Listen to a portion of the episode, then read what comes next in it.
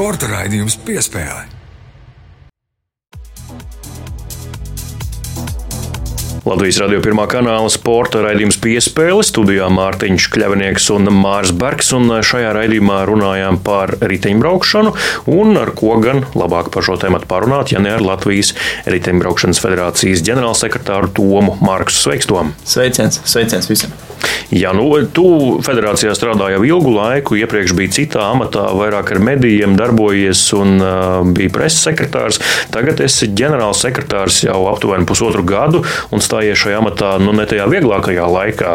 Federācijas vadības maiņa, jauns prezidents un Covid pandēmija pašā uh, pīķī, ja tā varētu teikt, pirmajā gadā, kad tas rudens tieši nāca. Kāds tev bija šis aizdītais pusotrs gads, un vai tu esi iejuties ģenerāla sekretāra amatā?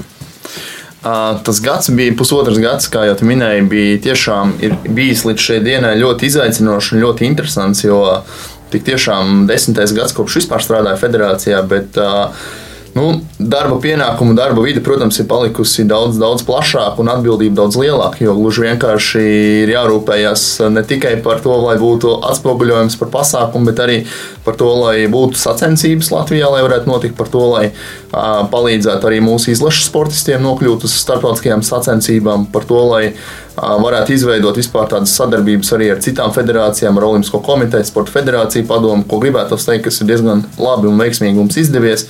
Bet, protams, protams, vienmēr ir daudzas izaicinājumas, daudzas lietas, pie kurām vēl nopietni jāstrādā, lai es varētu teikt, ka tas darbiņš ir tuvu ideālam vai ideāls. Viņš šobrīd nebūtu tāds, nav, bet apmēram ir, skaidri, apmēram ir skaidrs pēc šī pusotra gada tas virziens, uz ko mums jāiet, kas mums pietrūkst kādas ir standarta problēmas definētās, un atkal, kas ir mūsu stiprās lietas. Kas ir tās standarta problēmas? Nu, teici, ko esat paši definējuši, kas ir problēmas, kas, kas ir jādara citādi jālabo tagad? Tā galvenā struktūra problēma, ja mēs runājam par nu, teiksim, tā pasaulē populārāko riteņbraukšanas veidu, kas ir šoseis riteņbraukšana nenoliedzami, tad mums pietrūkst piramīdas augša. Atceramies paši, iepriekš bija šī komanda Rietumbanka Rīga ko Igo Japiņš ar saviem dombiedriem izveidoja. Tā deva iespēju mūsu junioriem, viņi, teiks, mums bija tā piramīda ļoti sakārtot. Ir lejas sporta skolas, attiecīgi, kas gatavo sportistus, tad ir Mūrjāņa sporta ģimnāzija vai paralēli Rīgas riteņbraukšanas skola, kur tiek koncentrēti jau labākie. Attiecīgi no reģioniem Urijāņos, no Rīgas vislabākie bija Rīgas riteņbraukšanas skolas izlasē. Nu, tad tie labākie un talantīgākie nonāca Rietumbankas komandā. Šobrīd līdz ar šī sponsora zaudēšanu šī komanda izjuka pirms, manuprāt, 2018. gadā. Un šobrīd mēs intensīvi meklējam ceļus, kā mūsu labākiem junioriem lai viņi pabeidzot šo junioru vecumu, nepazūst no riteņbraukšanas. Lai viņi neaiziet, mēs priecājamies, mēs esam izveidojuši sistēmu priekš tiem, kuri varbūt neizvēlas profesionālo ceļu. Mums ir pietiekami sakārtot amatieru kustību Latvijā.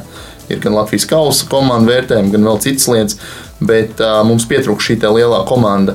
Un tas veids, kā mēs to risinām, uh, mums ir sadarbība ar Tartu komandu Igaunijā, kas ir Amplera attīstības komanda, kur katru gadu ir vismaz divi, trīs latvieši pārstāv šo komandu. Un uh, otrs ceļš, es redzu, ka, jā, ka ja mēs runājam par tādu problēmu situāciju, ka mums ir jālauž tas ceļš un jādabū mūsu labākie sportisti Francijas pirmās divīzijas komandās vai Beļģijas komandās, un jāatdod viņiem, nu, tā ir gaļas mašīna, līdzīgi kā hokeja aizbraucat arī vai basketbolā uz Amerikas koledžām, tu izvēl, izvēlēsies cauri tai gaļas mašīnai un labāk izdzīvo. Riteņbraukšanai līdzīgi, riteņbraukšanā tā visa koncentrācija labāko sportistu ir vai Francijā vai Beļģijā. Nu, tas mūsu mērķis ir viņus dabūt tur. Es nesaku, mums šobrīd tas līdz galam izdodas, bet pateicoties Gatim Smukulim, kas jau beidzis karjeru, kuriem ļoti labi kontakti, ļoti liels respekts Francijā, tāpat Armijam Fizikam un citiem, varbūt mūsu eksprofesionāļiem, mēs šo ceļu gribam iedzīvināt. Tā varētu būt tāda, ja mēs runājam par tādu strateģisko lietu, Jo tomēr mūsu vērtē kā federācija pēc rezultātiem bieži vien. Ir, nu, es viņu vērtēju divās sadaļās. Viena ir rezultātu izcilība, un otra sadaļa ir tās aktivitātes, ko mēs veicam šeit uz vietas. Ja aktivitātes uz vietas, es teikšu, ka mums ir tiešām ļoti labā līmenī un ļoti plašs, tad pie šīs lietas mums diezgan nopietni jāpiestrādā. Cik tālu esat tikuši ar šādu potenciālās komandas izveidi vai atjaunošanu? Ir kādi interesi no sponsoriem, jo tur vajag vienu lielu naudas devēju. Jā, tas ir ekonomiskais pamatojums, kā vai tam šobrīd saskata cilvēku ekonomisko pamatojumu šādai komandai? Nu, šobrīd, diemžēl, šādu saskatu mēs nejūtam. Arī teiksim, tā, gan padomus līmenī, gan arī es pats, cik nu, ir bijis tā iespēja un laiks, esam meklējuši un domājuši par šādu sponsoru piesaistīšanu. Jo sistēma mums ir skaidra. Tie paši cilvēki, kas izveido rietumu banku, viņi jau nekur nav pazuduši. Gan Igo Japņš nekad neliekas padomu, gan aktīvi iesaistīsies, gan arī pārējie. Bet nu, šobrīd tā ir problēma. Mēs neesam arī pie šīs visas ziedošanas sistēmas un šīm lietām, diemžēl, lai, lai vai kā gribētos, lai vai cik man liekas, ka riteņbraukšana ir populāra, nu, mēs neesam vēl tajā līmenī, kur ir basketbols vai hokejs, kur šo sponsorus varbūt piesaistīt ir vieglāk, nenoliedzami. Mm. Riteņbraukšana nav novērtēta varbūt tādā gadījumā līdz galam sabiedrībā, nav tā popularitāte. Uh, popularitāte par riteņbraukšanu kā, kā līdzekli noteikti ir, bet popularitāte tieši tajā līmenī, kur mēs gribētu to izcilības, ka, teiksim, o, ka mums ir. Mums ļoti palīdz šie trīs mūsu profesionāļi. Viņi tiešām bez viņiem vispār būtu ļoti grūti. Es domāju, neviens nerunāt arī par riteņbraukšanu. Nebūtu Toms Kuņš, ne tikai kā sportists, bet arī kā personības, jo tiešām viņi ir arī liels personības, šie trīs sportisti. Bet jā, mums pietrūkst, pietrūkst mazliet tā nu, kaut kādu dzirkstelīti vēl, lai mēs pakāptos vēl to līmenī augstāk un uzrunātu sponsorus. Bet tas attiecās tikai par izlašu līmeni. Ja mēs runāsim par sacensību bloku, tur tā situācija krietni nu, patīkamāka, teiksim tā, un arī labāka lielajām tautas sacensībām jums ir ģenerāla sponsori par disciplīnām atsevišķām. Mums ir tur... pat mūsu visām federācijas sacensībām, ko mēs organizējam, arī tūlīt, ar, cerams, arī runāsim par Baltijas čempionātu. Tur visur ir sponsori, gan distanču sponsori, gan nu, pat organizēja tādas leģendāras sacensības kā smiltenes kausa riteņbraukšana. Arī tur visi segmenti tika nosegti. Tur cilvēkiem patīk parādīties. Tā ir masveidība, tur ir cilvēki, tur ir interesanti, tur ir augsts līmenis un tādā veidā. Bet jā, tas otrs bloks, tas ir nu, jāpiestrādā pie tā. Jā, pirms mēs ķersimies klāt pie sarunas tēmas nauda un paplašināsim to, te jau drusku pieskārāmies, tad vēl par federācijas vadību. Um, iepriekšējais prezidents Igo Japiņš skaidrs liela personība, šķietam vienmēr klātesošs, vai līdz ar vadības maiņu ir mainījies arī federācijas vadības stils, vai tie ir divi dažādi prezidenti un divi dažādi vadības stili, vai tomēr tā tu neteiktu? Es noteikti gribētu pirmkārt pozitīvā ziņā uzteikt jauno prezidentu Sandu Āķu un viņa arī veidoto redzējumu par attīstību, jo viņš ir pietiekami pragmatisks. Sandis redzi, biznesa cilvēks. Biznesa cilvēks. Viņš varbūt mazāk ir bijis, teiksim, tā viņa tās tiešās intereses mazāk saistīts tieši ar riteņbraukšanas laukumu, bet viņam atkal tas skats no malas un tie kontakti, ko viņš cenšas palīdzēt un palīdz, nu, viņi ir ļoti svarīgi, ļoti būtiski. Uh, Igo tādā ziņā bija, protams, ka viņš bija sistēmas cilvēks. Viņš no bērna kājas, no viņa tēva, Harija Japiņa laikiem jau ir audzis un viņam ir zināšanas. Bet, protams, no nu, Igo neviens jaunāks nepaliek. Un uh, arī Igo, protams, uh, Viņš pats redzēja to, ka viņš vairs nevar iedot tik daudz, kā tas bija agrāk, un līdz ar to viņš arī, manuprāt, pareizajā brīdī pagāja nedaudz nostāk. Bet viņš ir tepat blakām. Viņa padomus vienmēr es esmu lūdzis, un viņi ļoti augstu vērtēja. Savukārt, nu, Sandim vēl āķim šī lieta ir, viņš iestrādājās, viņš kļūst ar katru dienu daudz ko apgūst jaunu, un es domāju, ka tos īstos augļus mēs varēsim novērtēt pēc diviem, trim gadiem. Ja viņš, protams, arī turpinās mm. federācijas vadību arī pēc šī sasākuma. Tas, tas arī viss. Jā, un laikam pievērsīsimies tai lielajai tēmai - nauda. Citas, citas federācijas šo pēdējo divu gadu laikā Covid pandēmijas ēnā ir sūdzējušās par finansējumu trūkumu. Protams, naudas nekad nevar būt par daudz, un tās droši vien vienmēr būs par maz. Bet kāda ir šobrīd situācija riteņbraukšanas federācijā? Kā jūs esat pārdzīvojuši šo laiku, un um, kā jums ir ar finansējumu šajā brīdī? Jo citiem mēs zinām, ir ļoti kritiski. Kā ar jums? Nebūsim izņēmums. Kā jau teicu, arī šeit es gribētu sadalīt to visu kopējo katliņu. Ne, es neliku teiksim, tā visu vienā līmenī. Mūsu federācija, kā jau teicu, vērtē dažādos līmeņos. Ir šie sporta federācija padomus kritēriji, pēc kā nauda tiek dalīta gan par aktivitātēm, gan par sasniegumiem, gan arī pamatdarbībai. Kur savukārt riteņbraukšana ir augšgalā, tā, nu, salīdzinot nu, ar citām federācijām. Esam, ja paskatās tādu progresu, ja mēs paskatāmies, kur mēs bijām pirms četriem gadiem, kur, kur mēs bijām tāda stipra viduvēja federācija, un ka mēs šogad pēdējos jau gadus esam ar savu gribētu teikt, tā ar mūsu treneru darbu, kur ir sportists laukā rezultātiem, gan arī ar, varbūt, ar tādu mūsu aktivitāti, sacensību bloku pieaugumā, tad tur mēs, protams, esam progresējuši un auguši.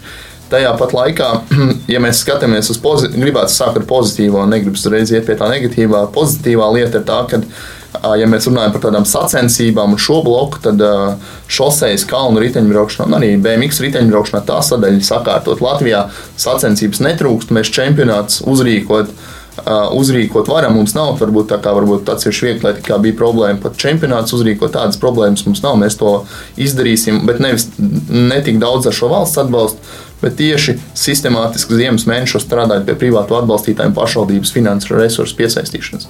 No kā es domāju, jums, jūs esat labs piemērs. No jums būtu jāmācās citām federācijām, kas varbūt tikai grib dzīvot uz valsts naudu. Nē, mēs noteikti negribam dzīvot tik tiešām uz valsts naudu, jo uh, elementārs piemērs šim gadam šosejas un kalnu riteņbraukšanas sacensībām vien mēs ziemas mēnešos strādājot, esam piesaistījuši vairāk nekā 120 tūkstošus. Protams, viņas ir dārgas. Šis pats Baltijas čempionāts viens izmak, viņa izmaksas ir ap 70 tūkstošiem, ja viņš ir 5 dienas sacensības. Bet Par to bloku es varbūt negribētu celt nekādu trauksmes signālu. Tas būs atkarīgs no mums, jo arī mums, kā mēs esam biedrība, mums ir jāstrādā un jāparāda sevi.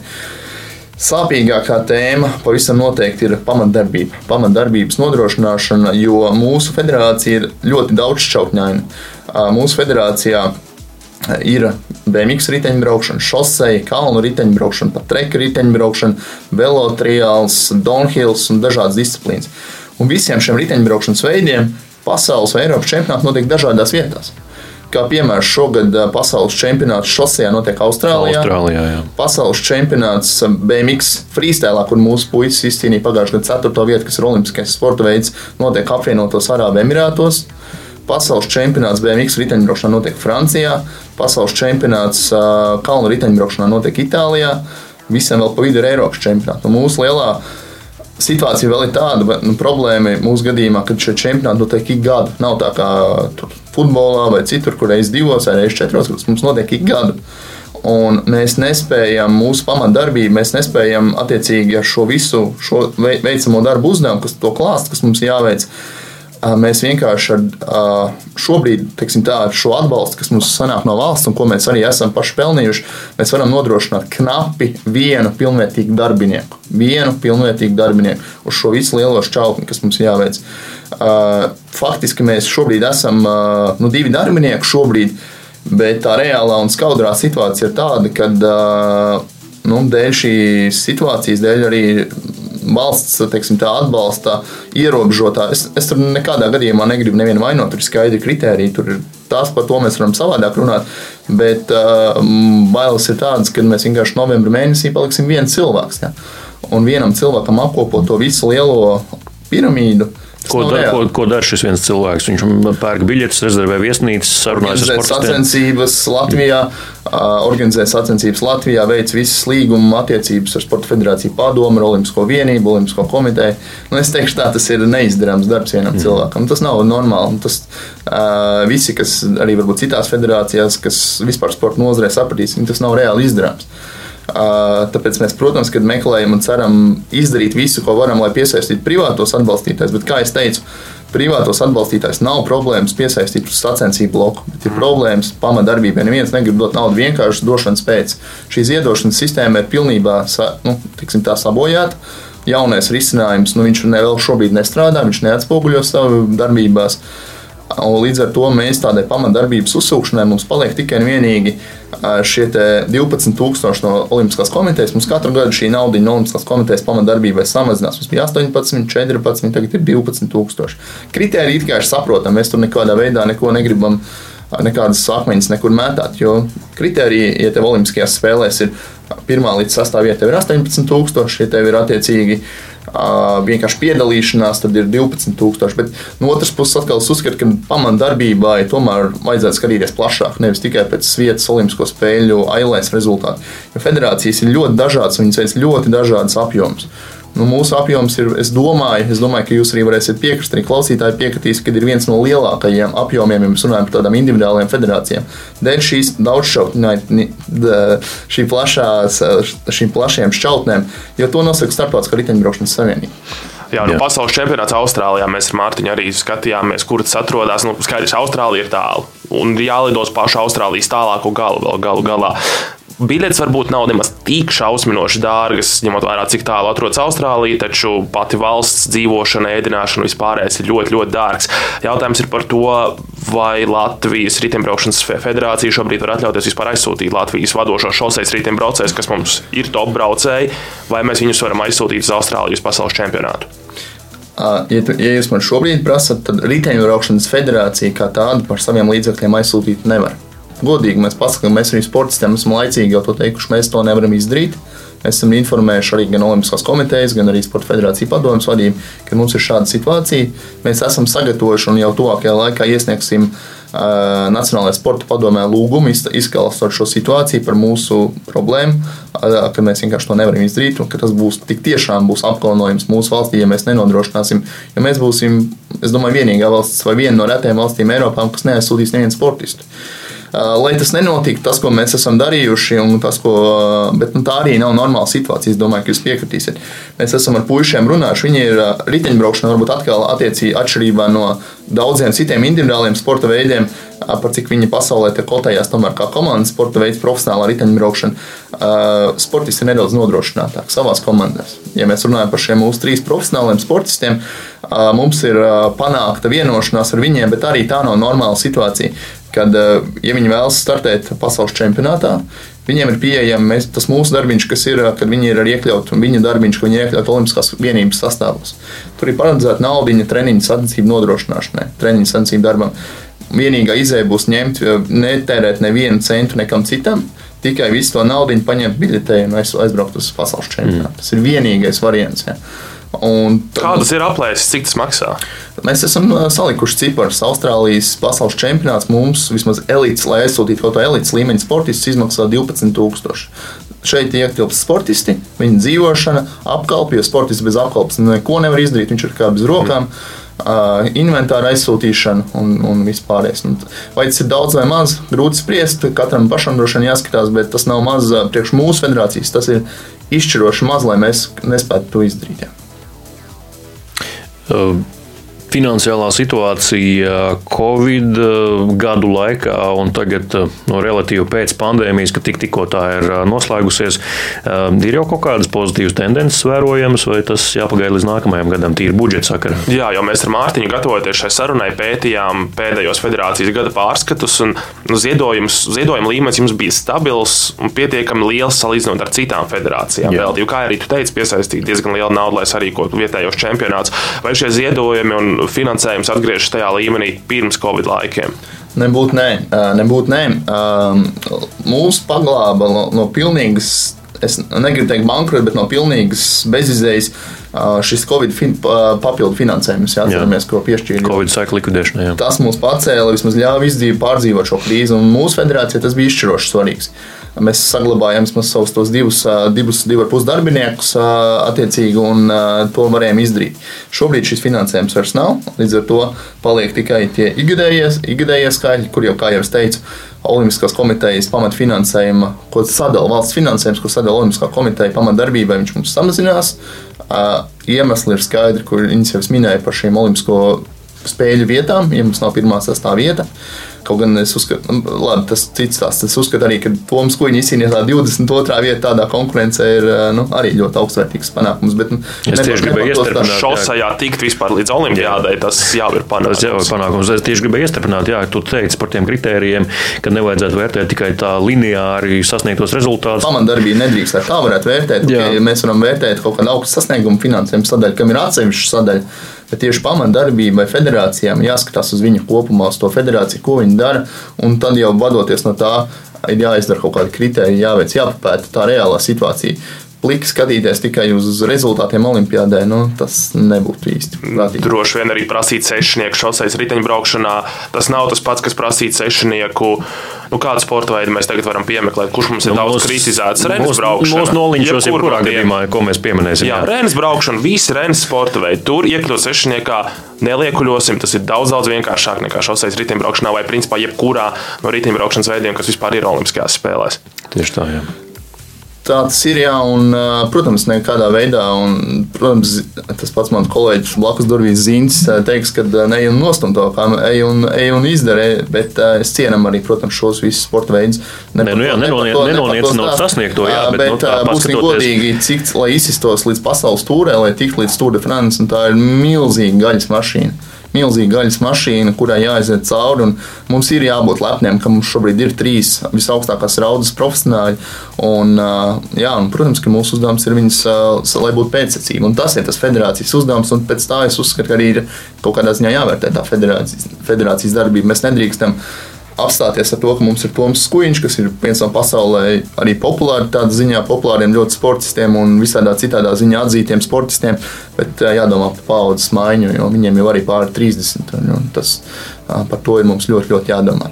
Bet, jā, atgriežoties pie tā, ko tu Mārtiņ iesāki, un arī Mārtiņa, federācijas pamata darbībai ir jāskatās plašāk. Un es ļoti ceru, ka pēc šīs reformas, kas tagad ir, ko mēs redzam arī, kas notiek sporta varas gaitiņos, kad tomēr šī lieta tiks pārskatīta un mūsu, un arī varbūt citas federācijas, kas tiešām dara plašāku darba apjomu, kad viņas vismaz pamatdarbībā tiks nodrošināts, jo negribētos palikt tā, ka riteņbraukšanas federācija vienkārši aiziet aiziet nebūtībā vai par, eh, paliek par kaut kādu iestādi, kurā tikai viens cilvēks atbild uz e-pastiem, un eh, nav ne sacensību, nav ne sportistu. Nu, tas būtu, manuprāt, noziedzīgi pret uh, vispār sportu Latvijā kopumā. Jā, tu jau tā tālredzīgi pieskāries pie jaunās finansējuma sadales sistēmas. Tātad nauda turpmāk plūdīs caur Latvijas Sporta Federāciju padomi. Nu, tā viena tā naudas pietura tiks sadalīta federācijām par kritērijiem. Mēs jau arī to sistēmu drusku pieskārāmies. Mm, kā tu vērtē šo, šo soli, šo sistēmu, nodot šīs pilnvaras Sporta Federācija padomas rokās? Uh. Gribas, protams, saprast vairāk, kādas attiecīgi, kāda būs attiecīgi šī darbība ar federācijām, kādas vai tik tiešām būs līgumi būs mazāki, jo līgumi ir pietiekami daudz šobrīd. Jāiet pie vienas organizācijas pēc, pēc pamatdarbības finansējuma prasīšanas, pie otras organizācijas pēc pamatdarbības finansējuma prasīšanas. Vienai ir kritērija par augstiem sasniegumiem, otrai ir kritērija par augstiem sasniegumiem. Ok, Loks nodrošina šīs Olimpiskās vienības funkcijas un visas tās lietas.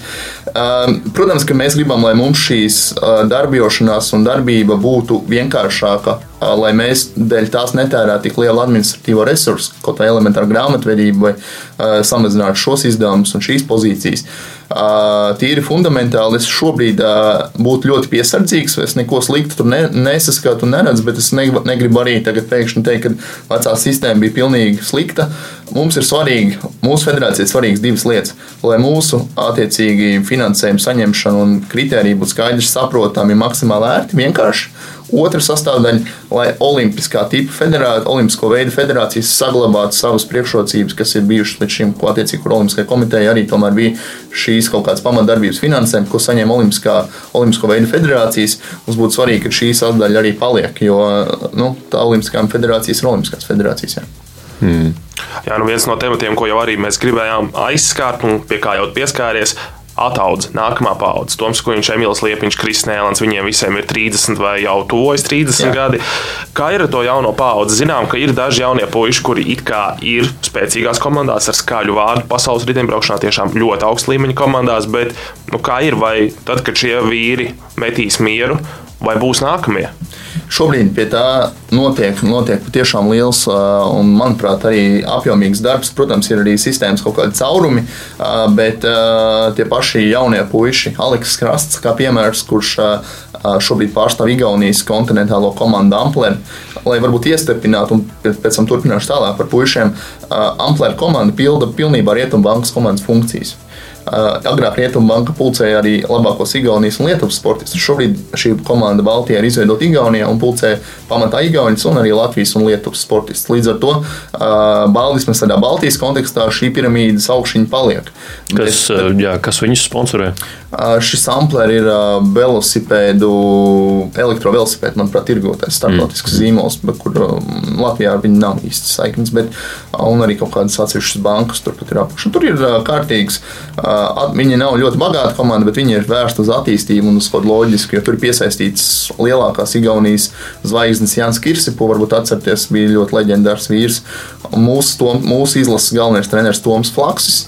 Tur ir diezgan, diezgan jaudīgi. Bet atgriežoties pie tā, ko Mārcis arī uzdeva jautājumu tieši par tieši par pēctecību, tad uh, Matīs Kalvers, Astonas komandā šogad debitēja ar ļoti labām. Viņš ir Astonas būtībā attīstības sistēmas uh, audzēknis, nevis audzēknis, bet šobrīd sportists, un kuriem ir iespēja sevi tur parādot tik lielajā Astonā skaidrs ceļš līdz augstākajai virsotnē, skaidrs, saprotams ceļš. Cik reāli ir izsisties no tām attīstības komandām? Nu, mēs citos sporta veidos redzam, ka nu, tur tiek viens, divi augšā. Cik reāli tas ir riteņbraukšanā, ir īpaši tādā komandā kā Astana, kas ir bijusi top komanda pasaules līmenī. Iespējas. Futbolā šķiet, nu jau katrs otrais jauns futbolists no pēdējiem gadiem ir bijis kādā lielajā akadēmijā, bet kur viņi ir tagad nu, pārsvarā Latvijas čempionātā.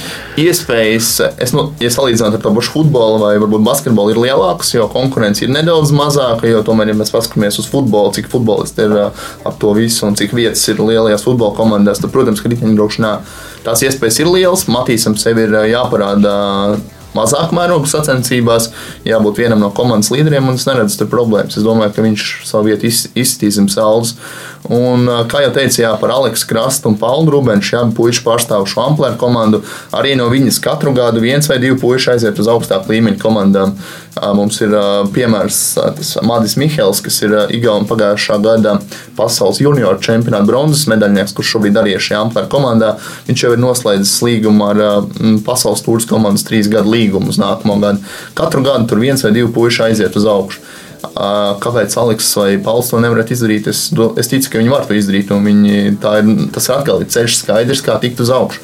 Mm. Un viņi at, atkal aizejot projām, atbrīvos vietu šajā amplitūras komandā diviem citiem latviešiem. Un atkal tie mūsu puiši pēc, junio, pēc mūžāņa beigšanas atkal varēs iet uz to komā, komandu, sev parādīt, iet uz augšu, tiekties un atkal aiziet. Protams, ne visiem tas izdosies, bet iespēja tiek dots. Mūsu kā federācijas galvenais uzdevums ir dot, palīdzēt, dot tās iespējas palīdzēt, dot tās iespējas. Un ļoti, ļoti ceru arī, ka gan Gatis Smukuls, gan arī pārējie mūsu eksprofesionāļi, tiem puišiem, kuriem neatradīsies vietas šajā amplitūra komandā, palīdzēs savu ceļu izlauzt ar Francijas amatieriem. Jo viņš pats to ceļu ir gājis, viņš pats izgāja cauri Francijas amatieriem, tika līdz pasaules tūrē, braucis ļoti daudzus gadus pasaules tūrē. Un, un tādā veidā tā kā, iespējas ir. Nereāli tas nav, bet ir. Jā, nu, ja, protams, ka klasi, ja mums būtu sava kontinentālā komanda, mēs būtu soli priekšā. Igauni, nu, nevis Igauniem, bet mēs būtu jau Igaunijas līmenī. Šobrīd mēs uh, sakām Igauniem lielu paldies, ka viņiem ir šāda komanda. Iepriekš Igauni teica mums paldies par Rietumbankas komandu, jo tas palīdzēja viņu sistēmai attīstīties. Šobrīd ir otrādi. Mm. Tāpēc arī Igaunijas vietas pasaules rangos šobrīd ir uh, augstākas nekā mūsu vietas. Pieskarsimies jā, šosejai. Tad mēs aptuveni izstāstījām to šosejas šī brīža situāciju un stadiju. Pieskarsimies arī pārējiem tādiem populārākiem veidiem. Tas pats sāksim varbūt ar BMX. Jā, kas šobrīd notiek BMX lauciņā? Jo nu, bija kaut kādi talanti, kuri pagaidām sevi laikam pieaugušo konkurencē nav pierādījuši. Līdz galam vēl nav, varbūt, jā, jo visi viņi ir jauni vēl pagaidām. Jā. Pēdējās Olimpiskajās spēlēs Tokijā arī tie sasniegumi nebija nekādi spīdošie. Jā, braucēji bija, bet nu, rezultāti, kādi mums ir bijuši, protams, var to, to nesalīdzināt. Jā, Mārcis Strombergs zelta ir jau sen kā beigusies. Vispirms, kā tu vērtēji, vai kaut maz drusciņi ir izdevies izmantot to tramplīnu, tās divas zelta medaļas, lai nu, kaut kā veicinātu un uzlabotu BMX attīstību vai, vai izaugsmu? Es domāju, ka viennozīmīgi ir viennozīmīgi ir izdevies, jo Gluži vienkārši Latvijā šobrīd izskatās, ka šogad tiks sasniegts jauns dalībnieku rekords Latvijas mačos, kas tuvojas 500 jau. Tas ir tad, kad Mārcis bija topā, mums brauca 200, 230 dalībnieku BMX mačos. Tagad jau gandrīz 450. Es domāju, ka varētu sasniegt arī 500 vai ne šogad, ir nākamā sezonas sākumā.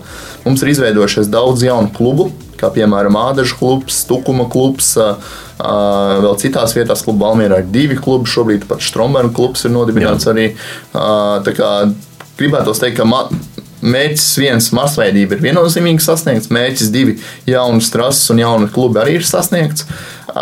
Tas, ko tu iesāki par rezultātiem, protams, kad Mārcis ar saviem rezultātiem un arī viņa līdzbraucēji, Streimans, kas bija un arī pārējie puiši, viņi nu, pacēla to latiņu tādā līmenī, ko šobrīd vienkārši nav iespējams noturēt. Un droši vien, kad arī uh, tas kritiens, kāds viņš bija pēc Māra un Edžas karjer, karjeras beigām, viņš bija kaut kādā ziņā paredzams. Nu, visu laiku nebūs tāds, tā, tā kārtība. Kas BMX priecē un kas noteikti ir ļoti laba lieta, kad ir izveidota sakārtota sistēma. Proti, BMX jau no pašām saknēm, jau no Jāņa Siliņa, BMX no pamatlicējiem, un arī Aldons Rubļevs, kas tobrīd bija klāt, izveidoja šo piramīdu klubu sistēmu. Un šobrīd tas, ko federācija, pateicoties toreiz Ivo Lakučā, ļoti aktīvam darbam, paveica sadarbībā ar Izglītības un zinātnes ministriju, tika izveidots augstas klases sportistu sagatavošanas centrs Valmjerā. Viņš savu būtību pilda, manuprāt, nu, gandrīz visefektīvāk no visiem augstas klases sagatavošanas centriem Latvijā, jo uh, visi talantīgākie braucēji viņiem ir dot iespēju doties uz augstas klases sagatavošanas centru Valmjerā braukt vienā no Eiropas labākajām trasēm, kur ir viss perfekti apstākļi, visām trenižera zālēm. Vis, nu, paši zinām, Valmieras Olimpiskais centrs nav jāreklamē šeit lieka, tur viss ir visaugstākajā līmenī. Un, uh, tur tiešām ir sapulcēti mūsu talantīgākie sportisti. Uh, šobrīd kādi ir gan elites līmenī, gan junior līmenī, gan jaunatnes vecāko jauniešu grupu līmenī. Uh, rezultāti šobrīd uh, varbūt tādā elites līmenī tik tiešām nav tādi, kādi bija iepriekš un kādas varbūt mēs citreiz cerētu. Bet es atkal skatos uz pozitīvo pusi, skatos uz vecākajām jaunatnes grupām B16, kas ir 16, nākamā gada jau būs juniori. Tur mums Edgars Langmans ir pagājušajā gadā jau Eiropas čempionu titulu izcīnījis, un šogad būs arī viens no galvenajiem favorītiem. Tāpat Veronika Monika Stūriša, kas debitēja jau pasaules kausa apritē sievietēm, lai arī viņa pirmajā posmā apstājās ceturdaļfinālos, bet tas sniegums un tā, tā, tā manuprāt, viņas potenciāls ir visas iespējas arī viņai būt laba līmeņa braucējai. Es ticu un es zinu, ka arī savu pēdējo vārdu nav teikuši arī mūsu šobrīd nosīt pieredzējušākie vīri. Gan Kristēns Krīgers, gan Helvijas Babrs, gan arī to pašu var teikt par Vinētu Petersonu. Es domāju, ka viņi vēl sevi parādīs, vai viņi būs top, top, top līmeņa stabili braucēji. Man tādas, tā es apgalvot uzreiz negribu un nevaru, bet es ticu, ka viņi savu pēdējo vārdu noteikti neviens no viņiem nav vēl teikuši un ka viņi vēl mūs patīkami var pārsteigt. Bet, protams, mums svarīgi koncentrēties uz to, lai pēc viņiem atkal būtu, jo BMX ir agrīnais sports. Tur nevar 30 gados labi, nu, var braukt, bet pašredzam, Mārcis arī beidz jau ap 32 gadiem. Manuprāt, jā, 29 gadu vecumā arī jau Olimpiskās spēles. Jā, nu tad arī palielinām nākamās sezonas, un tad ir 30 gados, manuprāt, arī viņš noslēdz karjeru. Līdz ar to tad, uh, mums ir tieši jādomā par 16, 17, 18 vai pat 15 gadīgiem, un viņiem jāpalīdz cik vien var. Un es redzu, ka tas augsts klases sagatavošanas centrs to var nodrošināt. Bet, nu, Šoseis sakrā mēs minējām, ka vajadzīga tā viena komanda, kur no jauniešu vecuma pāriet profesionāli līmenī. BMX ir cita sistēma, bet tomēr vai tie, kur izaug no jauniešu junioru vecuma, redz perspektīvu, kāds viņiem tas ceļš ir tālāk? Viņā BMX nenoliedzami ir tā situācija grūtāka kā šosejā, jo šosejā tomēr tas var būt maizītes darbs diezgan izteiktāk. BMX Tāpat kā kalnu, kalnu riteņbraukšana arī tomēr nevar vērtēt vienādi, jo kalnu riteņbraukšana arī šis komandas princips ir. BMX tomēr šis komandas princips nedarbojas tā kā citur. Tur ir kaut kādi sponsori, tur ir riteņi, varbūt kaut kāds neliels aldziņš, bet par tādu nopietnu, nopietnu karjeru, kurā tu vari sevi nodrošināt, tas ir tikai un vienīgi Olimpiskās vienības atbalsts. Tikai un vienīgi ar to tu vari rēķināties. Ir kaut kādas, varbūt, Valmieras Olimpiskā vienība, kas ir tāda varbūt mazāka līmeņa arī, bet, bet principā pašvaldības un valsts atbalsts ir vienīgais, kā var izdzīvot talantīgi un arī spēcīgi BMX braucēji. Nav Tur nebūs tā, ka es nezinu, tik tiešām, cik varbūt pelnu šoseis riteņbraukšanā vadošie braucēji, bet nu, pasaulē vidējais zemākais līmenis, cik tu vari gadā nopelnīt, manuprāt, ir ap 200 tūkstošiem eiro. Kā, nu, tas nu, šosei ir tāpēc, ka viņi ir tā kā komandas sports pasaulē, tiek uzskatīts. Mm. Jā, BMX, tad pēc tam elite, nu, Mārcis Strunbergs tīri labi sevi ir nopelnījis dzīvē. Es tieši tik tiešām nezinu, bet es ticu, ka tajos laikos, un tad, kad Mārcis brauca, BMX kā industrija, kā tie paši velo zīmoli, velo ra aksesuāru ražotāji, atceramies, enerģijas dzērieni dažādi tur bija un vēl visādas vēl šīs lietas. Uh, tajā brīdī, manuprāt, viņš bija augstākā pīķa nekā viņš ir šobrīd. Mm. Arī vadošie pasaules to braucēji to brīdi pelnīja. Es nezinu, vai pelnīja, bet viņi bija tā uzmanība bija komerciāli lielāka nekā tas ir šobrīd vadošajiem braucējiem. Ar ko tas ir saistīts? Tas ir saistīts droši vien ar Ameriku, jo Amerika ir viena no BMX izcelsmes vietām, un tur arī tā interese varbūt ir kaut kādā veidā nedaudz mazinājusies nekā tas bija laikā, kad Mārcis bija topā, kad viņš tur uzvarēja ka viņš tur visu pasauli pārsteidz. Kāpēc tā? Jo tomēr arī Olimpiskās spēles dodas šajā urbānajā virzienā, ekstrēmo sporta veidu virzienā, un BMX mēs varam pieskaitīt gan pie urbānā, gan pie ekstrēmā sporta veida novirziena. Kāpēc tā interese krītas par šo sporta veidu? Vai tas stils vairs nav saistošs, braukt lejā no kalna un pa tramplīniem lēkāt. Vai, Tagad to nišu varbūt var ieņemt BMX freestyle. BMX freestyle diezgan lielā mērā, vismaz tā, tādā UCI kontekstā. Es neteikšu, ka viņš aizņem BMX klasiskā vietu, bet uh, viņš ļoti strauji attīstās. Uh, viena būtiska nianse, kas ir uh, BMX ārtelpu sacensībām, nevis iekštelpās, bet tieši ārtelpās, ir laika apstākļi. Paši zinām, ja gājuši ļoti lietas, tad sacensības var iekavēties. Zinām, televīzijas prasības. Televīzijas prasības ir, ja jābūt tikos, tad ir tikos. Ja uznāk lietas un trase nav braucama, tad tajā laikā nevar notikt. Tas tādā veidā arī mazina iespējams, mazina arī lielo televīzijas interesi, interesi par, par konkrēto veidu, bet katrā ziņā es domāju, ka tas ir tāds īslaicīgs, teiksim, tā vilnīts uz leju tādā globālā līmenī. Es domāju, ka viņš atkal celsies uz augšu, jo vēl viena lieta, ka varbūt kāpēc mēs neesam tur, kur mēs bijām iepriekš ar Māra laikā. Pasaulē lielvalsts iegūda milzīgu naudu šajā industrijas attīstībā, tieši arī klasiskajā BMX, kamēr viņš būs olimpiskais veids, un es ceru, ka viņš tāds visu laiku arī būs. Tikmēr uh, valsts ieguldīs ar vien lielākus, lielākus, lielākus līdzekļus. Mēs to nevaram vienkārši tikt tam līdzi. Mēs nevaram tikt līdz tam visam lielajam ieguldījumam, ko dod Francija. Uh, tāpat Lielbritānija un citas valsts mūsu. Mēs varam paskatīties uz mūsu līdz, līdz tiešajām konkurentiem Vāciju un Itāliju. Nu, arī tur tās naudas sāk plūst ar vien vairāk, tur redzam arī vairāk braucēju. Ir. Viņas nenoliedzami paši par sevi lielākas valsts un atlasa arī daudz lielāka. Mums būs grūti arī ar viņām cīnīties uz priekšu. Tas būs. Mm. Es ticu un zinu, ka mums būs kāds spilgts talants, kas varēs būt, bet sistēmas līmenī mēs nevaram konkurēt ar lielvalstīm konkrēti varam, bet tas ir milzīgs, milzīgs entuziasma rezultāts. Bet tā viņas to kompensē attiecīgi ar valsts kaut kādu lielāku atbalstu un sistemātiku. Mm. Jā, mums vēl ātri jāpieskaras vēl diviem eh, riteņbraukšanas veidiem eh, šīs sarunas laikā. Eh, par kalnu riteņbraukšanu MTB viens izteikts līderis, Mārtiņš Blūms. Aiz viņa ir tāds tāda cienīga sekotāja, pakausi elpotāja kompānija, vai viņš ir vienīgais tāds entuziasts, kurš vispār mums ir visaugstākajā līmenī? Visaugstākajā līmenī Mārtiņš šobrīd, ja mēs runājam par olimpiskā krosa disciplīnu, disciplīnu arī kalnu riteņbraukšanu, ļoti plašs laukums. Arī tur ir Olimpiskais kross ir savs pasaules čempionāts, MTB maratons, kas nav olimpiskais veids, ir savs pasaules čempionāts. Bet, ja runājam patiešām par pamatdisciplīnu, tad Mārtiņš ir tik tiešām izteikts līderis pēc Arņa Petersona karjeras noslēguma, jo viņi bija iepriekš divi tādi celmlauži mums. Mārtiņš ir visaugstākā līmeņa komandā. Arī viņam ir gan Olimpiskās vienības nodrošinājums, gan savas komandas nodrošinājums. Es domāju, par to viņam šobrīd sūdzību nav. Viņš arī sevi diezgan labi parādījis. Viņš ir bijis top 20, vai ap 20 arī pasaules kausos. Arī šogad ļoti labi iesācis. Tagad gan guva atslēgas kaulu lūzumu traumu, bet jau ir atpakaļ. Un šo posmu, kas būs šodien izlaidīts, bet nākamajā posmā būs atpakaļ. Viņa mērķis, viņš to nav slēpis, ir viennozīmīgi pirmais mērķis kvalificēties uz Olimpiskajām spēlēm. To var izdarīt arī šie, pēc šiem rangiem, nekā pēc nācija ranga, kur jāvāc ir četriem sportistiem punkti bet tieši pēc pasaules čempionāta rezultātiem, kur tie sportisti, kas nav kvalificējušies no nāciju ranga, nosacīti no mazākām valstīm, arī ar spilgtiem individuālo sniegumu, spilgtu individuālo sniegumu var kvalificēties. Skaidrs mērķis Mārtiņam, nākamā gada pasaules čempionāts. Mēs no savas puses izdarīsim ar Olimpisko, cerams, arī ar Olimpisko vienību izdarīsim visu, lai tur viņam būtu labākais nodrošinājums, fizioterapija, viss, viss, viss salikts. Nu, tad jau tas būs viņa paša rokās. Bet mērķis un ceļš ir skaidrs, kas viņam jāizdara, lai nokļūtu Parīzē.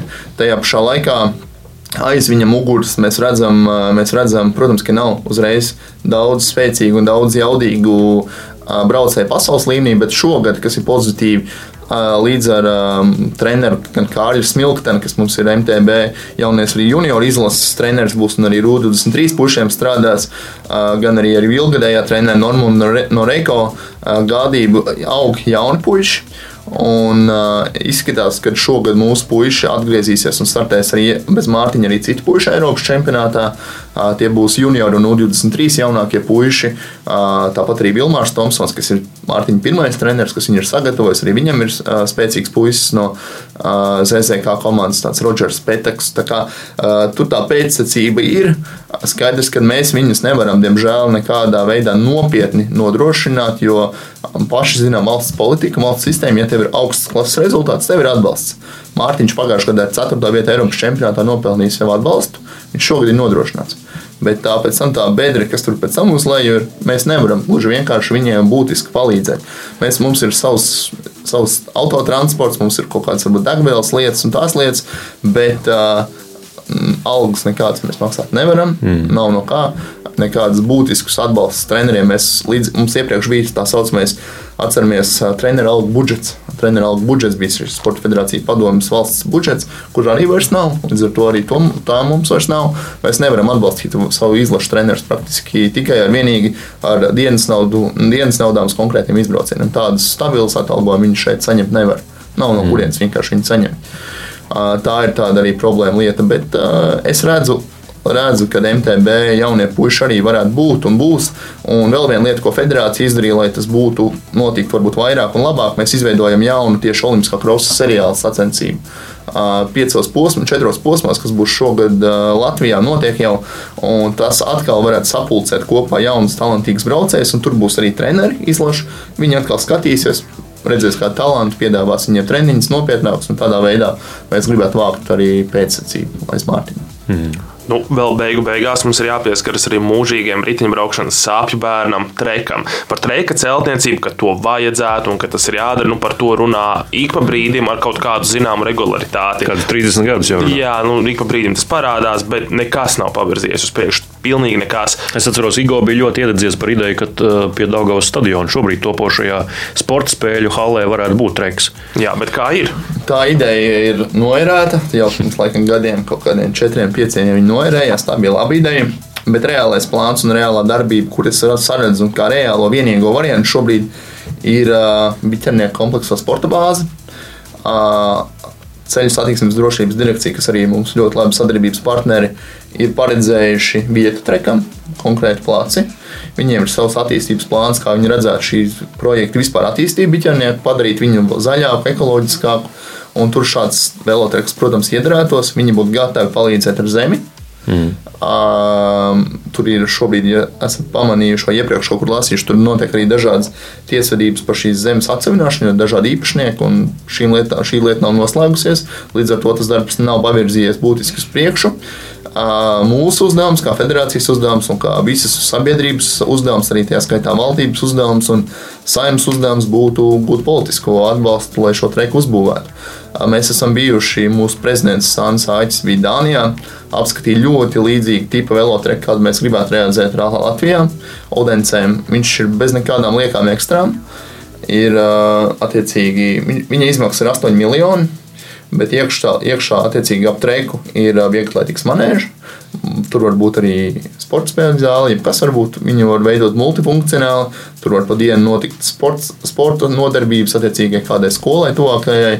Tur var rīkot dažādas vieglatlētīgas sacensības. Mums bija arī tikšanās ar Dmitriju Miļkēviču. Protams, ka prioritāte šai ēkai būtu treks, jo mums viņu vienkārši nav.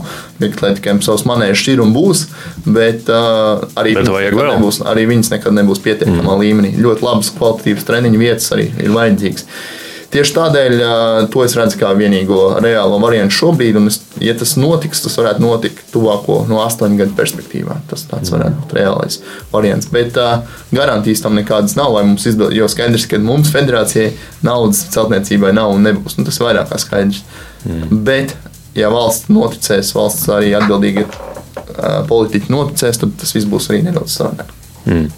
Tāda lūk saruna ar Latvijas Riteņbraukšanas federācijas ģenerālsekretāru Tomu Marksu. Paldies, Tom, ka ieradies un pastāstīja par dažādiem riteņbraukšanas veidiem. To tik tiešām, kā jau tu minēji, ļoti daudz. Centāmies dažus eh, zināmākos eh, aptvert.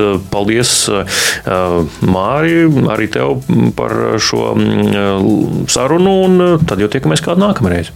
Paldies, Tom!